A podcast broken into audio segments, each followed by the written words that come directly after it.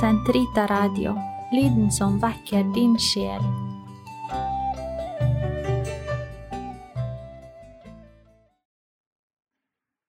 Hei og velkommen tilbake til denne podkasten om tro og vitenskap.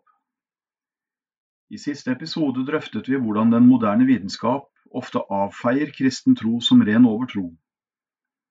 Mange vitenskapsmenn og -kvinner anser i dag religiøs tro som en overlevning, en konstruksjon fra tidligere tiders manglende kunnskap om naturens lover og prosesser, og kristen tro blir derfor ofte fordømt som reaksjonær og bent frem skadelig. Bare i løpet av de siste 20–30 år har vi opplevd hvordan tro og kirkeliv har gått fra å være, om ikke direkte populært, så i hvert fall respektert og aktet, til å bli ansett nå som suspekt og kanskje også mistenkelig. Alle de overgrep som er avdekket, og ofte skandaløs behandling som disse har fått, har selvfølgelig kun bidratt til å rive ned kirkens troverdighet og anseelse. Men de er ikke alene i denne prosessen. På veien har det de siste tiår også skjedd noe med samfunnets forståelse av tro, av kristendom som religion. Allerede på 1950-tallet beskrev vår gamle pave Benedikt 16., den gang Josef Ratzinger, som var teolog i Bayern, han beskrev en sekularisering, altså en avkristning som han så komme. Hans taler og skrifter fra den gang virker i dag nesten profetiske i sitt klarsyn. Han så at kirken, som den gang virket bunnsolid og uforanderlig, ville for forvitre innenfra. Selv om alle strukturer og all gudstjenesteliv og fromhet ennå var intakt den gang, så han at det i stor grad var båret opp av konvensjon, altså av gammel vane eller sedvane, og ikke av ekte fromhet og hengivenhet. Derfor sto det klart for ham at kirken i sin daværende form ikke kunne bestå i lengden. Basert på denne innsikten så han for seg at kirken ville krympe, at den ville desimeres, til den igjen hadde blitt en bekjennende kirke, et fellesskap båret oppe av ikke utvendige strukturer, men av medlemmenes hengivne tro. Først da vil den igjen få den indre glede og tiltrekningskraft som den første kirke hadde, den gang evangeliet nådde Europa første gang. Med denne nesten profetiske talen til Ratzinger eller Benedikt i tankene vil vi se på hva vi kan gjøre for å finne tilbake til denne kirken, en kirke båret av tro. For det Ratzinger holder frem, er at i krisen i våre dager ikke så mye er alle de store og små skandaler vi leser om i katolske magasiner eller i aviser i det daglige, men derimot en troskrise Svært mange kristne har mistet troen på at Gud faktisk lytter til våre bønner og bistår oss med sin nåde. Mange tenker kanskje at ja, Gud kan kanskje ha satt i gang Big Bang, men siden da har han ikke brydd seg. Med en slik tanke, fremholder paven, blir det nesten umulig å se at mine handlinger eller tanker skulle kunne glede eller skuffe Gud, eller ha noe som helst å si for ham i det hele tatt. Resultatet av dette blir at mennesket finner seg selv overlatt til seg selv, og at troen blir en ren moralsk størrelse. Men er dette det endelige svaret? Nei, slettes ikke. Og la oss se på hvorfor den kristne tro og kirken er mer relevant, viktig og riktig i dag enn noensinne før. Som nevnt så snakket vi i siste episode om vitenskapstroen altså en nærmest dogmatisk forståelse av vitenskap. Og de huller denne etterlater. Et menneskesyn som ikke skiller mellom mennesker og dyr, med det resultat at menneskerettighetene går fløyten, og en ateisme som ikke levner oss noe håp om noe liv etter døden, og dessuten gjør livet her temmelig meningsløst. Men ateismens konsekvenser stopper ikke der. Det vi som oftest ikke tenker over i det daglige, er hvor viktig det kristne etos er for vår tenkning og verdier her og nå, i dag. Det at vi i vårt samfunn tenker nettopp på menneskeverd, nestekjærlighet, rettferdighet og solidaritet, menneskerettigheter og fred, er grunnet og begrunnet nettopp i vår kristne historie. Når vi i dag i Norge snakker om vår kristne og humanistiske arv, så er dette ikke noe annet enn en politisk korrekt omskrivning av vår kristne arv. For det er nettopp fra vår kristne arv, vår kristne historie, at vi har fått vår humanisme, altså vår evne og vilje til å se mennesket og sette menneskets ønsker og behov i sentrum for vårt samfunn. Vi kan ane hvordan et postkristent samfunn, altså et mulig morgendagens samfunn, kan se ut ved å skue til vår historie nærmere bestemt til antikken, og da den greske og romerske. Grunnen til at vi kan nærmest se fremtiden og skue til historien, er at de verdier som preget det førkristne Europa, langt på vei var rotfestet i menneskenes drifter og lengsler. Og disse har ikke endret seg siden den gang. De ble bare temmet av kristendommens etikk. Vi må huske at menneskene som levde den gang, hadde nøyaktig den samme intelligens, de samme følelser og den samme evne til empati som oss, men de hadde en annen etikk og moral. Og hva betyr dette?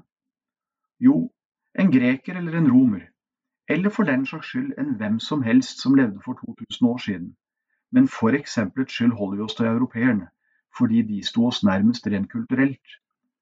De kjente på den samme glede, den samme sorg, den samme kjærlighet og alle de andre følelser som oss. De hadde den samme dybde i sitt følelsesliv, og de hadde den samme dybde i sitt språk som vi har. Men de hadde en til dels svært annen forståelse av hva som var rett og galt enn det vi har. La meg gi noen eksempler. Vi kan nevne først slaveri. De godtok slaveri som noe helt naturlig og noe helt riktig. Folk var ulike, og slaver, det kunne f.eks. være krigsfanger eller noen man hadde kjøpt eller deres barn, de var eiendom, litt på samme måte som vi kan kjøpe husdyr i dag. Og slavene var naturlig nok rettsløse. Det betød at de kunne selges, de kunne straffes, de kunne drepes, som eier fant det best. En familiefar, en pater familias, var suveren i sin makt og i sin posisjon. Han hadde ikke noen krav på seg til eksempel å være trofast mot sin hustru eller hustruer, og han bestemte alene hvilket av sine barn han ville akseptere som sine egne eller hvilke han ville forkaste. Han hadde også makt til å kreve at uønskede barn ble avlivet etter fødsel. Grekere og romere kjente ikke til begrepet pedofili som noe galt. Alt etter hvilken stilling og herkomst du hadde i samfunnet, vil det være ulike etiske og moralske normer for hvordan seksualiteten kunne leves ut og i store deler av antikkens samfunn var homofil og heterofil sex med mindreårige barn med, med mindreårige og barn utbredt og ansett som normalt og positivt. Særlig romerne hadde et radikalt annet forhold til vold og til liv og død enn oss, og de forsto live-drap som underholdning. Gladiatorkampen, som vi kjenner fra så mange filmer, og ikke minst fra ruinene av amfiteatret som Colosseum i Roma, vitner om romernes store pasjon både for teater og idrett, men også for kampsport. I gladiatorkampene var det normen at taperen ble drept som en del av showet. Denne typen kamp på liv og død, sammen med offentlige henrettelser, som av og til foregikk på en spektakulært eller rå, rå måte, var en del av den offentlige underholdning samtidig som det var en demonstrasjon av statens makt. Og Vi kjenner også dette fra Jesu egen korsfestelse, slik vi får den beskrevet i evangeliene. Når, da, Jesus ble korsfestet, fikk han en liten fothviler, en liten trekloss som han kunne sette føttene på. Men den var ikke plassert der av nestekjærlighet, snarere det motsatte. Nettopp fordi han kunne støtte opp kroppen med benene, selv om det må ha gjort uutholdelig vondt, for de var jo spikret fast til klossen. Så kunne han på den måten holde seg i live mye lengre på korset. Rettsmedisinere har undersøkt rester av gamle korsfestelser, og de kan fortelle at hadde han bare blitt hengt opp på korset, altså med armene bundet fast eller spikret fast til tverrbjelken, da ville han ha blitt kvalt etter en 20 minutter halvtime, fordi brystmuskulaturen til slutt ville ha kollapset under vekten av kroppen. Men med muligheten til å støtte kroppen med benene, uansett hvor vondt det gjorde, kunne en korsfestet holde seg i live i to, kanskje tre og fire timer, før han til slutt ikke klarte mer og seg sammen og døde. Når evangeliet skriver at guvernøren Pontius Pilatus var overrasket over at Jesus allerede var død da Josef fra Arimathea kom og ba om å få liket utlevert, var det nettopp på grunn av denne detaljen. Jesus burde fremdeles ha vært i live normalt. Og de to røverne som ble korsfestet ved siden av ham, de hadde jo også fothvilere, og de var fremdeles i live på korsene sine. Og det står da beskrevet at soldatene da knuste benene deres. Det gjorde de slik at røverne da sank sammen og ble kvalt under sin egen vekt. Antikkens kultur kjente heller ikke til noen form for offentlig helse- eller omsorgsvesen. Man hadde hospitaler, men disse var forbeholdt soldater, og i enkelte tilfeller rikere slekter i samfunnet. Og grekerne hadde sine orakler, som i Delfi. Men det fantes ikke noe sted, verken i europeisk antikk eller annensteds, noen tanke om at det fremmede skulle pleies, kun fordi de var syke eller led. Det var ikke noen tanke om undervisning eller skolegang for alle. De akademier og lærere som fantes, var forbeholdt de som kunne betale og hadde riktig bakgrunn. Det fantes heller ikke noen tanke om at menneskene skulle ha en egenverdi eller et egenverd fordi de var grunnleggende like. Snarere tvert imot var antikkens mennesker helt prisgitt sin egen slekt og herkomst. Vi kjenner jo også dette fra vår egen nordiske kultur, nemlig i ættesamfunnet. Ætten var livsviktig for utenfor den var du virkelig overlatt til deg selv. Solidaritet, nestekjærlighet, ansvar og omsorg strakk seg ikke lenger enn til ætten, eller til stammen eller landsbyen, eller som hos grekerne, bystaten. Den fremmede var altså en virkelig fremmed, en man ikke hadde noe ansvar for. Det fantes ikke noen tanke om omsorg for de i samfunnet som ikke var like heldige som en selv. Antikkens samfunn var slik sett bygget på den sterkestes rett. Og kristendommen snudde om på alt dette, og formet antikkens samfunn om til de samfunn vi kjenner i dag. Når vi leser evangeliene som fort forteller om Jesu liv og lære, ser vi med en gang hvordan hans enkle, men dype lignelser inspirerte de troende til å endre sitt samfunn radikalt. Tenk bare på menneskeverdet. Alle mennesker, menn og kvinner, er skapt i Guds bilde, og derfor grunnleggende sett søsken med det samme verd. Vi finner det igjen i Paulus brev til Filemon, altså apostelens brev til en slaveeier, som får sin slave tilbake som en kjær bror. Med menneskeverdet kommer også tanken om sykepleie og omsorg for de fattige. Tenk på lignelsen om mannen som falt i hendene på røvere på vei til Jeriko.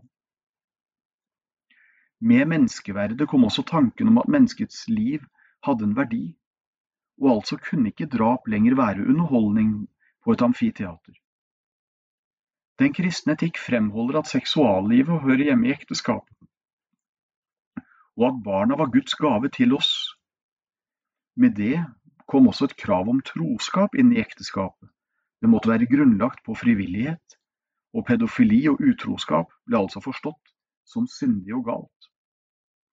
Barna gikk fra å være eiendom til å bli ansett som Guds gaver, og dermed ble også en praksis med å avlive uønskede barn kristelig sett umulig og en grov synd.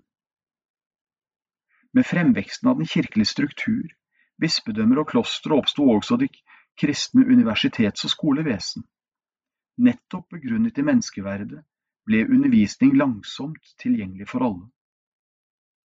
Kort sagt, det vi kaller humanisme, er en kristen begrunnet humanisme, intet annet. Det er den kristne tro som gjorde det mulig å omforme antikkens råskap og ulikhet til det samfunn vi tar som en selvfølge i dag. Et samfunn hvor alle mennesker har den samme verdi, verd, og hvor respekt, likhet, fred, helse, omsorg og utdannelse er tilgjengelig for alle, rett og slett kun fordi de er mennesker. Men vi lever i dag i et samfunn som aktivt forsøker å fjerne seg fra sin kristne arv, og hvor det å henvise til kristendommen oppfattes som trangsynt og fordummende. Vinner denne tankegangen frem, vil vi også miste forbindelsen til den kristne etikk, og vårt samfunns verdier og holdninger vil være i fri flyt. Vi ser dette allerede i dag, f.eks. i spørsmål om abort og eutanasi, og jeg er redd vi i fremtiden vil se at flere etiske spørsmål vil vurderes radikalt annerledes. I korthet, det vi kan frykte er at vi i mange etiske spørsmål vil vende tilbake til noe som minner om antikkens etikk, nemlig den sterkestes rett, siden det ikke lenger er noen slagkraft i læren til mesteren fra Nasaret. Men må det være slik? Er det slik at kristendommen i grunnen er død, fordi den er avslørt som en from illusjon, en vakker konstruksjon om nestekjærlighet, men altså som ikke er noe annet enn en konstruksjon, et tankeprodukt? Om dette vil vi snakke i den neste og den siste podkasten i denne serien. På gjenhør.